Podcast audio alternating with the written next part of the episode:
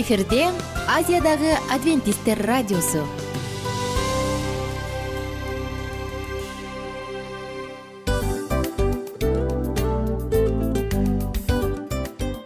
Достор салют. Баардык сүйүктүү угармандарыбызга салам айтабыз. Кутман күнүңүздөр менен. Ден соолук өмүрдүн булагы демекчи саламат саамы программасында баарыңыздарды көргөнүбүзгө абдан кубанычтабыз. Анда алгач амандашып өтөлү арбаңыздар деп. Ден соолугуңуздар кандай элибизде көбүнчө ден соолук кандай дегенде эле жакшы деп жооп беребиз э ооруп турсак дагы жакшы дейбиз. Анан мен муну айтып ойлойт элем бул абдан сонун сөз депчи анткени бул жакшы деген үмүт да э ооба баары жакшы болот. Баары сонун. Деп үмүттөнүп атып эле өзүбүздү өзүбүз дарылап коебуз. Анысы кандай? Сиздин дагы ден соолугуңуз жакшы беш деген үмүттөбүз чындыгында ден соолук бул өмүрдүн булагы деп бекеринен айтылган эмес деп ойлойм. Кыргыз элинде анткени эгерде ден соолук жок болсо анда адамдын жашоосунда калган баардык керектүү маңыздуу нерселер өзүнүн баалуулугун жоготуп коет. Ошондуктан ден соолук бул эң керектүү нерсе. Ооба туура айтасың кесиптешим. Чынында ден соолугуң жок бир эки үч күн ооруп калсаң эле э кандай болуп калат? Жашоодо көз каранды болуп каласың көп нерсеге жетишпей каласың көп нерсени кыла албай каласың жада калса эшикке дүкөнгө да чыга албай каласың. Туптуура анан ден соолук болсо демек биз биздин бактыбыз тоодой деп койсок болот. Анда достор саламат саамы рубрикабызды баштайлы. Алдыда өзүңүзгө керектүү болгон сонун кеңештерди уга аласыздар. Мына ошондуктан биз менен бирге болуңуздар. Ал эми биз болсо милан жана айнура. Кеттик алга. Алга саламат саама ден соолуктун жарчысы. Саламат саама ден соолуктун ачкычы. Күн сайын сиз үчүн мыкты кеңештер сонун жаңылыктар кызыктуу фактылар биздин рубрикада.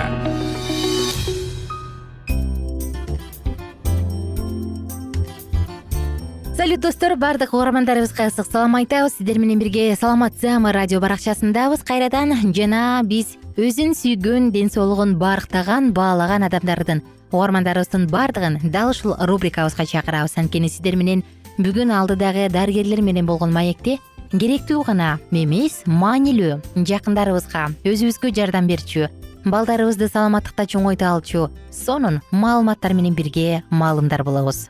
Мына ошондуктан угармандар баарыңыздарды биз менен бирге болууга чакырмакчымын. Анткени бүгүн чындыгында алдыдагы дарыгерлер менен болгон маекте өзүңүзгө керектүү сонун маалыматтарды ала аласыздар. Достор адамда биринчи байлык ден соолук деп бекер айтылган эмес э? Мына ошондуктан биринчи эң керектүү болгон байлык бул биздин сиздин ден соолугуңуз. Үстүңдөгү үч кабат үй алдыңда беш түрлүү машина кымбат баалуу унаалардан эч бир пайда жок. Эгерде ден соолук болбосо. Ошондуктан угармандарыбыздын баардыгына бекем ден соолук каалоо менен бирге биз саатыбызды баштадык. Алдыдагы маалыматтар сиздер үчүн. Достор эгер суроолор болсо сөзсүз түрдө саламат клуб сайтынын ютуб каналына кирип ал жакка комментарий калтырып суроо жөнөтсөңүз болот. Биз сиздин сурооңузду жоопсуз калтырбайбыз. Жагымдуу мүнөттөрдү бирге тосолу. Бизде дагы суроо бар карап алалык. Боюнда бар болсоң варикоз кандай влияние берет ден соолукка дейт угарманыбыз. Варикоз оорусу коркунучтуубу дейт мен ушу эки суроону бириктирип туруп эле айтып кетсек болот го дейм варикоз оорусу албетте коркунучтуу эгер убагында дарылабаса себеби бул барып барып ошол биздин баягы бутубуздагы кан тамырлардын иштебешине алып келет. Андан соң ошол э, бутубуздагы бутубузда баягы кан тамырлар кан айланган айланбай калса балким барып барып бул буттун алдыруусуна деле алып келиши мүмкүн мисалы үчүн бул кант диабети менен ооругандарды билсеңиздер керек. Ал жерде ошол кан барбай калгандыктан буту иштебей э, шишип андан соң аны алдырганга дагы туура ооба гангрена дагы болуп кетет. Экинчиси кандай суроо варикоз оорусу коркунучтуубу дейт анан боюнда бар болсо дейт варикоз кандай влияние берет ден соолукка ооба бул деле эгер боюңузда бар болуп калса баарыбыз билебиз боюбуз мындай ичибиз чоңойгон сайын бул буттарыбызга кан жүгүртүүсү азайып калат. Себеби баягы бала ошол кан бараткан жерлерине мындай кызып калат да. Э, бул эмнеге кандай эмнелерге алып келиши мүмкүн? Бул баягы баса албай калышы мүмкүн оор мындай кыймылдаганга кыйын болуп калат. Ал учурларда баягы ошол э, атайын дарыгерлер бар сосудистый хирург бар же терапевттер бар. Атайын чулкилерди кийгизип ошол жеңилдеткенге жардам берет. Бул жерде сөзсүз түрдө дарыгерге кайрылыш керек. Көрөрманыбыз абдан жакшы суроо бериптир да. Анткени чын эле кош бойлуу учурунда айымдардын көпчүлүгүндө буттары шишип варикоз болуп баягы тамырлары чыгып кетет го. Анан мындай учурда өзүнө кантип жардам бере алат ошол варикоз андан ары күчөп кетпеш үчүн же үнөкөт болуп калып калбаш үчүн эмне кыла алат ал бул жерде ошол мен айтып кеткендей эле жана эластический чулки деп коет. Ал чулкинин дагы атайын э, басымдары болот да. Мисалы үчүн астында басым бир аз ылдыйраак болот жогоруда же мындай көбүрөөк жогору карай азайып баштайт да. Ошондо ошол кан жүгүртүүсүнү бир аз болсо дагы нормалдуу формасына түшүшкөнгө ал жардам берет. Бул нерсени сөзсүз түрдө баягы ошол адис жооп бериш керек. Бул сосудистый хирург деген адистер болот. Ошолордон кеңеш алса болот. Ушул учурда мисалы көп отурбай басып кандайдыр бир жол менен өзүнө жардам бере алабы айымдар? Ооба бул жерде э, баарыбыз билебиз баягы ата энелерибиз деле айтат көп кыймылдасаң жеңилирээк өткөрөсүң дегендей эле бул жерде оңой төрөйсүң ооба оңой төрөйсүң бастырышат э? Бассак бул кан жүгүртүүнү жакшыртат. Жакшы. кыймылдаш мындай дейт кийинки суроо атамдын тизеси ооруй берет көп басканда муундары дагы эмне кылса болот? деп давид көрөрманыбыздан келген бул жерде сөзсүз түрдө биринчи көп басканда деп баса белгилептир. Э, адиске кайрылыш керек оорунун түрүн аныкташ керек. Андан соң э, ошого карап туруп мисалы үчүн баягы биз эфирибиздин башында айтып кеттик атайын мазьдар бар. Же физиолеченияларга барып ошол учурларда деле мындай ооруну азайтса болот. Дагы бир суроо келип калды манжаларды кырсылдатса кийин ооруйбу дейт алтын көрөрманыбыз сөзсүз түрдө баарыбыз билгендей эле жаштарда анан биз чоңдорубузда ушул адатыбыз бар. Эмнегедир манжаларыбызды кырсылдаткан. Бул э, ошол муундардын кийин баягы начар иштешине алып келет. Ошондуктан э, ал нерсени жасабаганга аракет жасаш керек. Кырсылдатпаш керек. ооба кырсылдатпаш тизени дагы колдорду баары, баардык жерде муундарды э жакшы чоң рахмат жакшы маалымат алдым деп жөнөттүр кийинки көрөрманыбыз жакшы бүгүн дагы бир жолу эске салалы э. Кичинекей балдардын жана өспүрүмдөрдүн муун сөөк ооруларына өзгөчө көңүл буруу күнү ошондуктан балдар биздин келечегибиз деп айтып коет эмеспизби. Ошондуктан балдардын сөөктөрү буттарында кандайдыр бир муундарында көйгөй бар болсо сөзсүз көңүл бурсак жакшы болмок э. Анткени бүгүн эгер бала ооруп калса анын келечеги кандай болот э. Бул элестетүү коркунучтураак жакында бир инемди ооруканага алып барсам ал айтат азыр эчтеке эмес дейт. Бирок сен э, азыр жыйырма эле жаштасың дейт да. Он беш жылдан кийин үй бүлө бакчы учурга келгенде сенде ушундай грыжадан түртө болот деди да ошондо сен өзүңдү кандай элестетесиң деп. Анысы кандай азыр ой бул бала да бала да эчтеке болбойт деп коебуз го. Бирок э, жогоруда сиз айткандай ар кандай жугуштуу оорулар э азыр тим эле ооба. санасаң колуңда манжалар жетпей калат да бутуңду кумга урсаң да жетпей калат керек болсочу. Абдан көп булардын баардыгын алдын алып балдарыбызга өзүбүзгө өзгөчө көңүл бурсак мен ойлойм көп нерсени алдын ала алабыз деп. Эрмек мырза жооптор үчүн сизге абдан терең ыраазычылык айтам. Э, ишиңиздин ушундай жоопкерчиликтүү ишиңизге мамиле кылып э, мыкты келечектеги биздин кыргызстанда бир чоң ийгиликтерди багындыра турган дарыгерсиз деп абдан үмүттөнөм сизге. Ушун менен сиз менен э, бир эле эмес бир нече жолу көрүшүп атабыз э сиз менен таанышканыма кубанычтамын. Анан ойлоп атам мүмкүн көрөрмандарыбызга бир каалоо тилек айта кетерсиз деп. Көргөнүңүздөр үчүн чакырганыңыздар үчүн чоң рахмат. Сиздерге ошол мен бир тилегим бар эле биздин кыргыз элибиздин жарандары азыраак ооруса депчи азыраак ооруш үчүн биз эмне кылышыбыз керек? Көбүрөөк кыймылдап туура тамактанышыбыз керек. Ошондуктан өзүңүздөргө караңыздар оорубаңыздар саламатта болуңуздар достор жогоруда айтылгандай эле эң сонун маалыматтар биздин ден соолугубузду коргоо үчүн бүгүнкү күндө бар. Канчалык маалымдар болсоң ошончолук куралданган болот эмессиңби мына ошондуктан бүгүнкү айтылган маалыматтар дагы жашооңузга чоң таасирин берип жардамын берип сизди ар кандай кырсыктан ден соолукту сакташ үчүн жаман нерселерден сактасын оорулардан дарттардан сактасын адамдын биринчи байлыгы ден соолук. Адамга экинчи байлык ак жоолук керек. Бирок ак жоолук ден соолуксуз кызык мына ошондуктан сиздерге кааларыбыз албетте бекем ден соолук өзүңүздүн колуңуздагы байлыкты сактаңыз барктаңыз. Жана албетте бул үчүн кол болгон күрөшүңүздү жумшаңыз.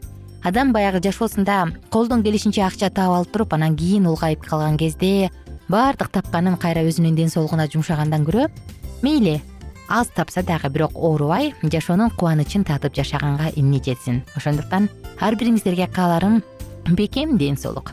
Коштошобуз достор сиздер менен. Кийинки уктуруулардан кайрадан амандашканча бар болуңуздар сак саламатта туруңуздар. Күнүңүздөр көңүлдүү маанайда улансын. Кененирээк маалыматтар үчүн үч w чекит саламат чекит клуб сайтына келип таанышыңыздар. Жана андан тышкары социалдык тармактарда youtube facebook жана instagram баракчаларына катталыңыз. Саламат саама ден соолуктун жарчысы. Саламат саама ден соолуктун ачкычы. Күн сайын сиз үчүн мыкты кеңештер сонун жаңылыктар кызыктуу фактылар биздин рубрикада. Салют замандаштар баарыңыздарга ысык салам дил маек программабызга кош келиңиздер. Дил маек рубрикасы дегенде эле бул эмне болгон дил маек ким менен маектешебиз деп сурайт болуш керек угармандарыбыз бул рубриканы кыскача тааныштыра кете турган болсок ар тарап кесип ээлеринен болгон сонун интервью кеңештер бар ооба. жылдыздар менен болгон маек бар аталарыбыздын агаларыбыздын чоң аталарыбыздан сонун кеңештер бар ошондой эле эже сиңдилердин кеңештери бар. Айтор баардык кызыктардын баары алдыда. Негизи эле адам баласы бир кимдир бирөөнө ишенип сырын ачкысы келет эмеспи э мындай баарлашууга жакын келебиз го? Албетте.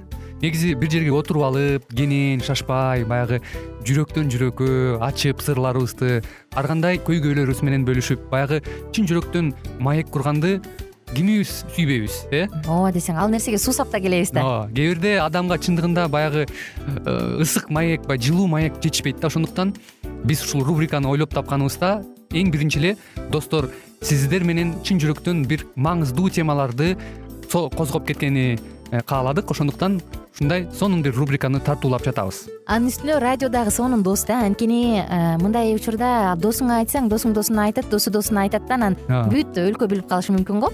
А радио болсо сени сатпаган сенин айыбыңды ачпаган сенин сырыңды эч кимге айтпаган сонун дос ошондуктан биздин алдыдагы айта турган кеңештерибизди биздин досторубуздун кеңештерин угуп анан ал жака пикириңизди дагы калтырып кайрадан биз менен байланышсаңыздар болот. Деги эле жашооңузга эгерде кичине болсо дагы өзгөрүү алып моралдык жактан нравовалык жактан сонун бир кеңештерди алсаңыз демек биз максатыбызга жеттик. Ооба.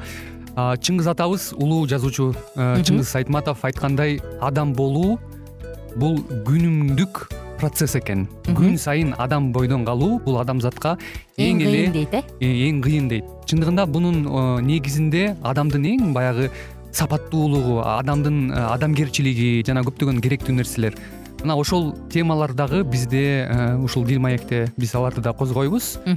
Ден соолук жөнүндө да сүйлөшөбүз. Сөзсүз түрдө. Анан милан мырза негизи айтып коюшат го?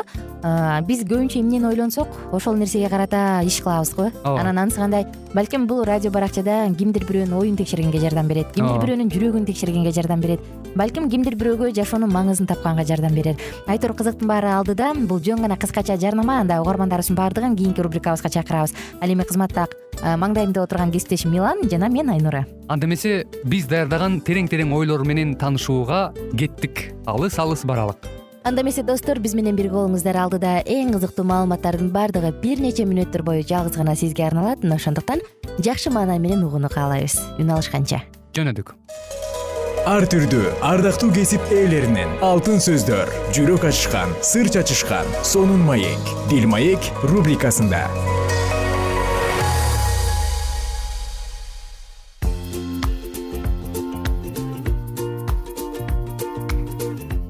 салют достор баардык сүйүктүү угармандарыбызга салам. Жана салам кесиптеш саламатсыңбы кайрадан эле биз сиздер менен урматтуу угармандар кесиптешим айнура жана ошондой эле мен. Э, бүгүнкү программабызда кечирим туурасында кантип үй бүлөдө ушул э, кечиримдүү болобуз бири бирибизге ушул туурасында маегибизди улантмакчыбыз буга чейин достор биз сиздер менен мырзалар эмне үчүн оңой менен кечирим суралышпайт? Айымдарчы айымдардын эмоционалдык э, түзүлүшү эми баш мээсинин түзүлүшүнө чейин айттык.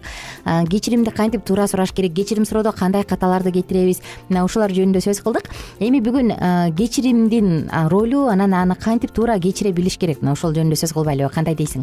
Анан ойлоп турам бүгүнкү тема менен буюрса жыйынтыктайбыз го деп. Ооба бүгүн ушул менен жыйынтыктайбыз. Ал эми э, урматтуу угарман сиз болсо биздин одон алыстабай ушул мүнөттө биз менен бирге боло бериңиз. Биз ушул кантип э, бири бирибиз менен кечирим суроонун алкагында туура мындай чечүүнүн жолдору туурасында сүйлөшөбүз.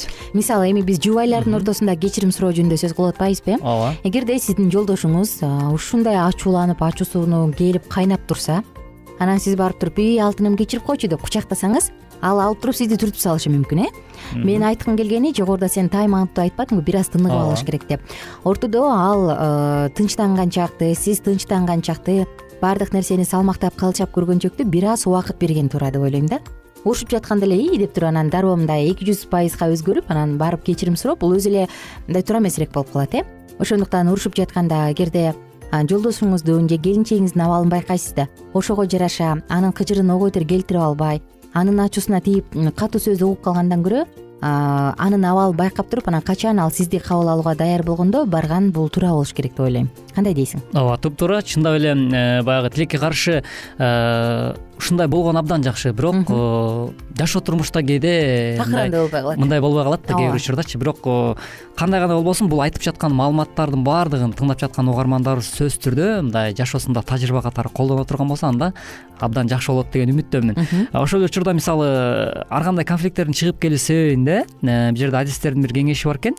Э, мисалы жумуштан чарчап келген күйөөсү дейт кечкисин чарчап келип анан ошол эле учурда жубайы жумуртка кууруп жатып күйгүзүп ала турган болсо ошол убакытта жолдошу эч убакта мындай э, жумуртканын күйүп кеткени үчүн чыр чыгарганы бул э, туура эмес дейт да. Тескерисинче э, жумуртка күйүп кеткени үчүн мындай э, аял менен э, эркек менен жубайынын ортосундагы мындай мамилени бу- бузбаш керек бул нерсе. Анткени эгерде буза турган болсо ошол жумуртка күйгүзүп алган үчүн уруш чатак боло турган болсо анда мунун натыйжасы э, ошол таарынычтарга алып барат дейт. Анткени мүмкүн ошол учурда жубайы бир жакшы ниет менен куруйн деп аткандыр э ооба жумуртканы. Батыраак жолдошум курсагын тойгуза калайын деп аткандыр э ким билет ошол убакта балким жолдошу мүмкүн курсак ачып келгендир. Эгер күйгүзүп алса бирок бул нерсе үчүн мындай бул э, мындай билги- билгизиптир да.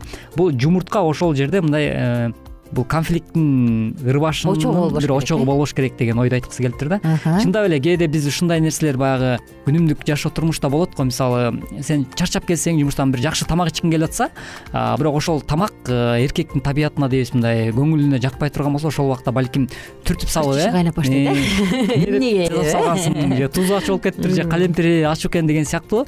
Мындай элементарный нерселерден уруш чыгаруунун кажети жок деген ойду жебесең жебе мен да чарчап келдим деп анан аял баштайт э мен эмне үйдө ойноп атырмынбы дейт анан. Сен эмне кылып атасың керелди дейт анан ошентип чатак кетет чын эле. Уруш негизи конфликтти сүйгөндөр үчүнчү уруш или бой жерден чыгат.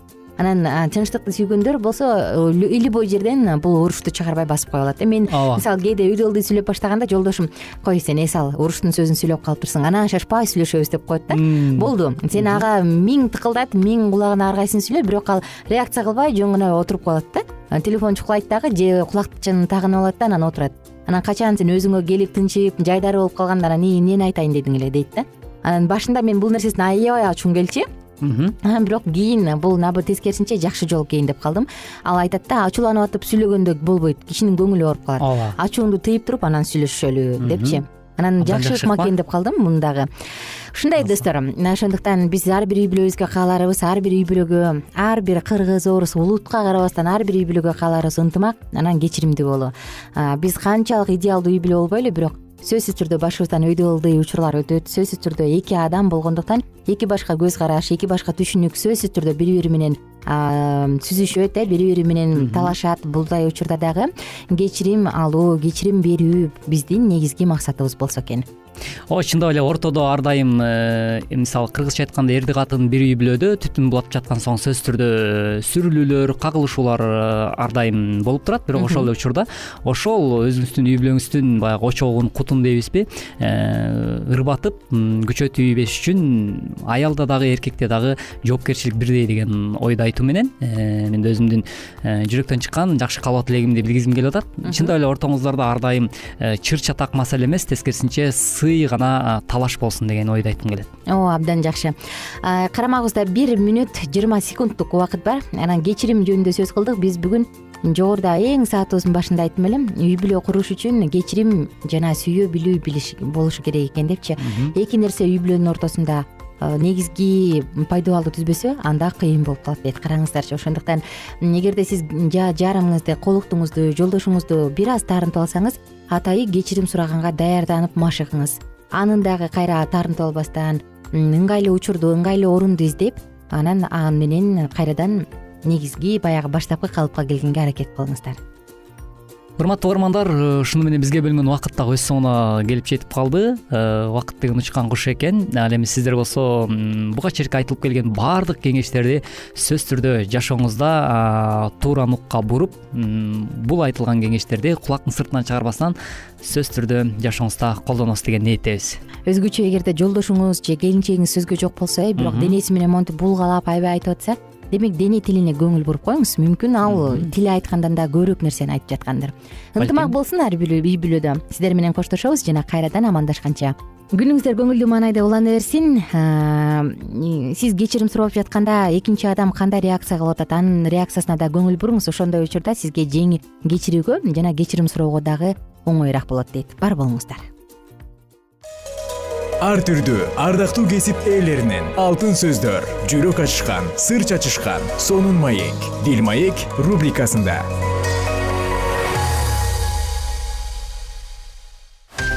Жан дүйнөңдү байыткан жүрөгүңдү азыктанткан жашооңо маңыз тартуулаган жан азык рубрикасы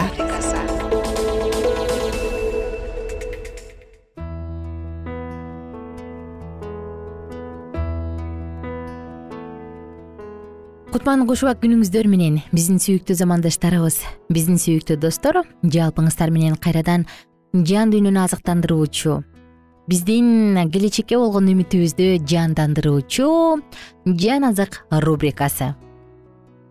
Жан азык рубрикасында достор сиздер менен бирге биз аян китеби менен кененирээк таанышып жатканбыз. Бүгүн дагы уктуруубузду андан ары улантабыз. Бир аз эске салсам биз бул уктурууда аян китебинин аян китебиндеги руханий күчтүн булагы жөнүндө сөз кылып атканбыз э эмне себептен дал ушул жакан пайгамбарды патмос аралына сүргүнгө айдап жакындарынан ажыратып койсо дагы ал ыйсадан баш тарткан эмес? Эмне себептен канча деген азаптарды башынан өттү. Ал патмоска жапжаш кезинде барган эмес улгайып калган учурунда барган. Бирок ошого карабастан ал эч нерседен баш тартпай баардык кыйынчылыкты кубаныч менен көтөргөн. Эмне үчүн? Кызыкпы албетте кызык. Мына достор бүгүнкү уктуруубузда дагы биз сиздер менен бирге дал ушул теманы андан урап улантабыз. Анткени жакан ыйса машаяктын тирүү теңир экендигине ишенген библиянын баардык китептери бир бүтүнгө келип акырында аян китеби менен жыйынтыкталат. Келгиле ал жөнүндө бир нече кызыктуу фактылар менен таанышалы. Аян биринчи бап биринчи аят. Ыйса машаяктын аяны. Аян китебиндеги ыйса ким? Ал чын эле өзүн атаган машаякпы? Ал менде өлгөндөр жаткан жайдын үстүнөн бийлик бар. Мен кудаймын дейт. Ыйса тууралуу биринчи факт ал адамдан жогорумун деген. Жакан алтынчы бап отуз сегизинчи аятта мындай деп жазылган. Анткени мен өз каалоомду эмес. Мени жиберген атамдын каалоосун аткарыш үчүн асмандан түштүм ыйса мен асмандан түшкөм деп айткан. Ал жердеги баардык адамдар сыяктуу төрөлгөндөй жөнөкөй адам болгон эмес. Анын төрөлүүсү бир өзгөчө болгон. Библия толугу менен кудай болгон ыйсаны көрсөтөт. Эмне үчүн жакан ыйсанын кудай экенине ишенди? Жакан бешинчи бап отуз тогузунчу аят силер ыйык жазууну изилдеп жатасыңар. Анткени ал аркылуу түбөлүк өмүргө ээ болобуз деп ойлойсуңар. Ыйык жазуу болсо мен жөнүндө күбөлөндүрөт. Ыйса жерде жүргөн кезде ал эски осуяттагы жазууну ачкан ал эски осуяттагы пайгамбарчылыктардан цитата келтирчү. Алардын айрымдары беш жүз жыл мурун жазылган кээ бирлери жети жүз жылды алдын ала айтса кээ бирлери миң жылга карай алдын ала айтылган. Пайгамбарчылыктар ыйса кудай экенин айтышкан. Ыйса машаяктын жашоосу факт түрүндө алсак алдын ала жазылган өмүр болгон. Ыйсанын биографиясы ал өлгөнгө чейин эле жазылган силердин ишенимиңер бүгүн реалдуулукка жетсин. Силердин рухуңар бүгүн көкөйлөп учсун ыйса жөнөкөй бир жакшы адамдан алда канча чоң болгон. Ыйса машаяк жөнөкөй бир адеп ахлактык философтон алда канча чоң болгон. Ал моралдык насаатчыдан алда канча бийик турган.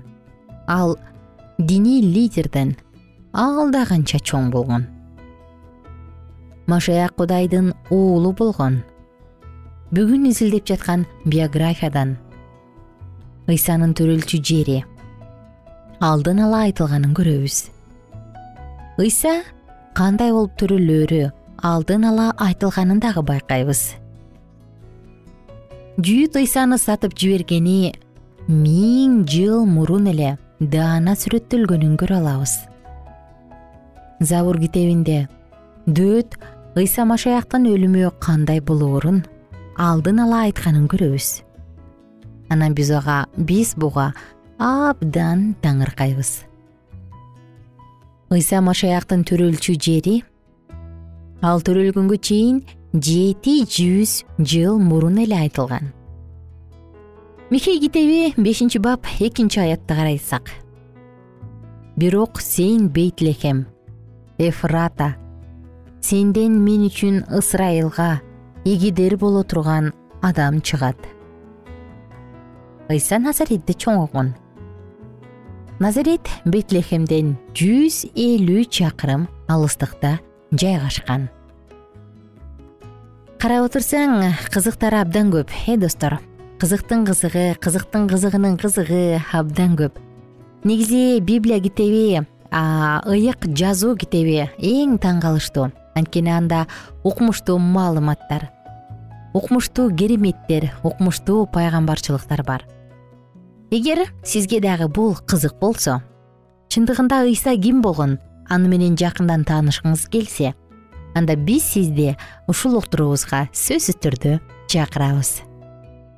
Сиз үчүн ыйса ким? Мүмкүн ал жөн гана катардагы тарыхый инсандыр. Мүмкүн ал сиздин жүрөгүңүздүн ээсидир мүмкүн ал сиздин куткаруучуңуздур мүмкүн сиз аны менен ишиңиз жок адамдырсыз. Ким билет?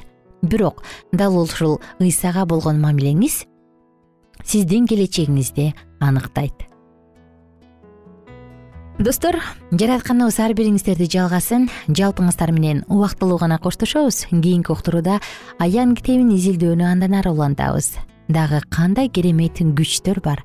Мына бул тууралуу кийинки уктуруубузда улантабыз. Ага чейин сак саламатта туруңуздар.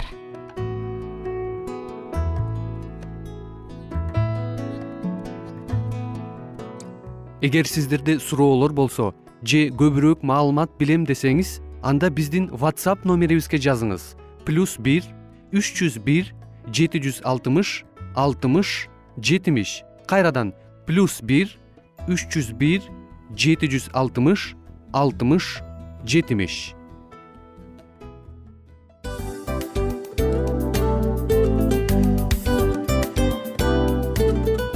ушул менен достор программабыздын уктуруубуздун эң кайгылуу мөөнөтүнө келип жеттик. Кайгылуу дегенде ыйлагым келип кетти кесиптеш. Кадимкидей. Анткени баягы учурашасың анан коштошуу учур келгенде ии кантип ии эми бат баттан келиптир э сагындырбай деп атып араң коштошобуз го анысы кандай угармандарыбыз менен коштошчу учур келди кийинки уктурууларды сагыныч менен жүрөгүбүздө кусалык менен күтөбүз жалпыңыздарды анан жарым сааттык уктуруу көз ачышым канча өтүп кетти. Сөзсүз бирок бизде жакшы кабар бар. Кийинки уктурууларыбызда сөзсүз дагы кезигишебиз. Анткени биз көптөгөн сюрприздерди кызыктуу маалыматтарды жана керектүү керектүү нерселердин көбүнчөсүн даярдадык.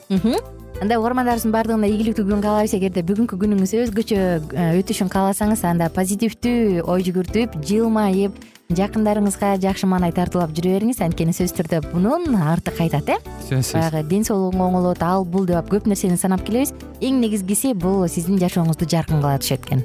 Жараткан кудай ар бирөөңүздөргө батасын берсин жашооңуз ийгиликтүү болсун сак саламатта калыңыздар деп мен милан жана кесиптешим айнура. Баардыгыңыздар менен кийинки уктурууда үн алышканча. Баарыңыздарга ийгилик каалайбыз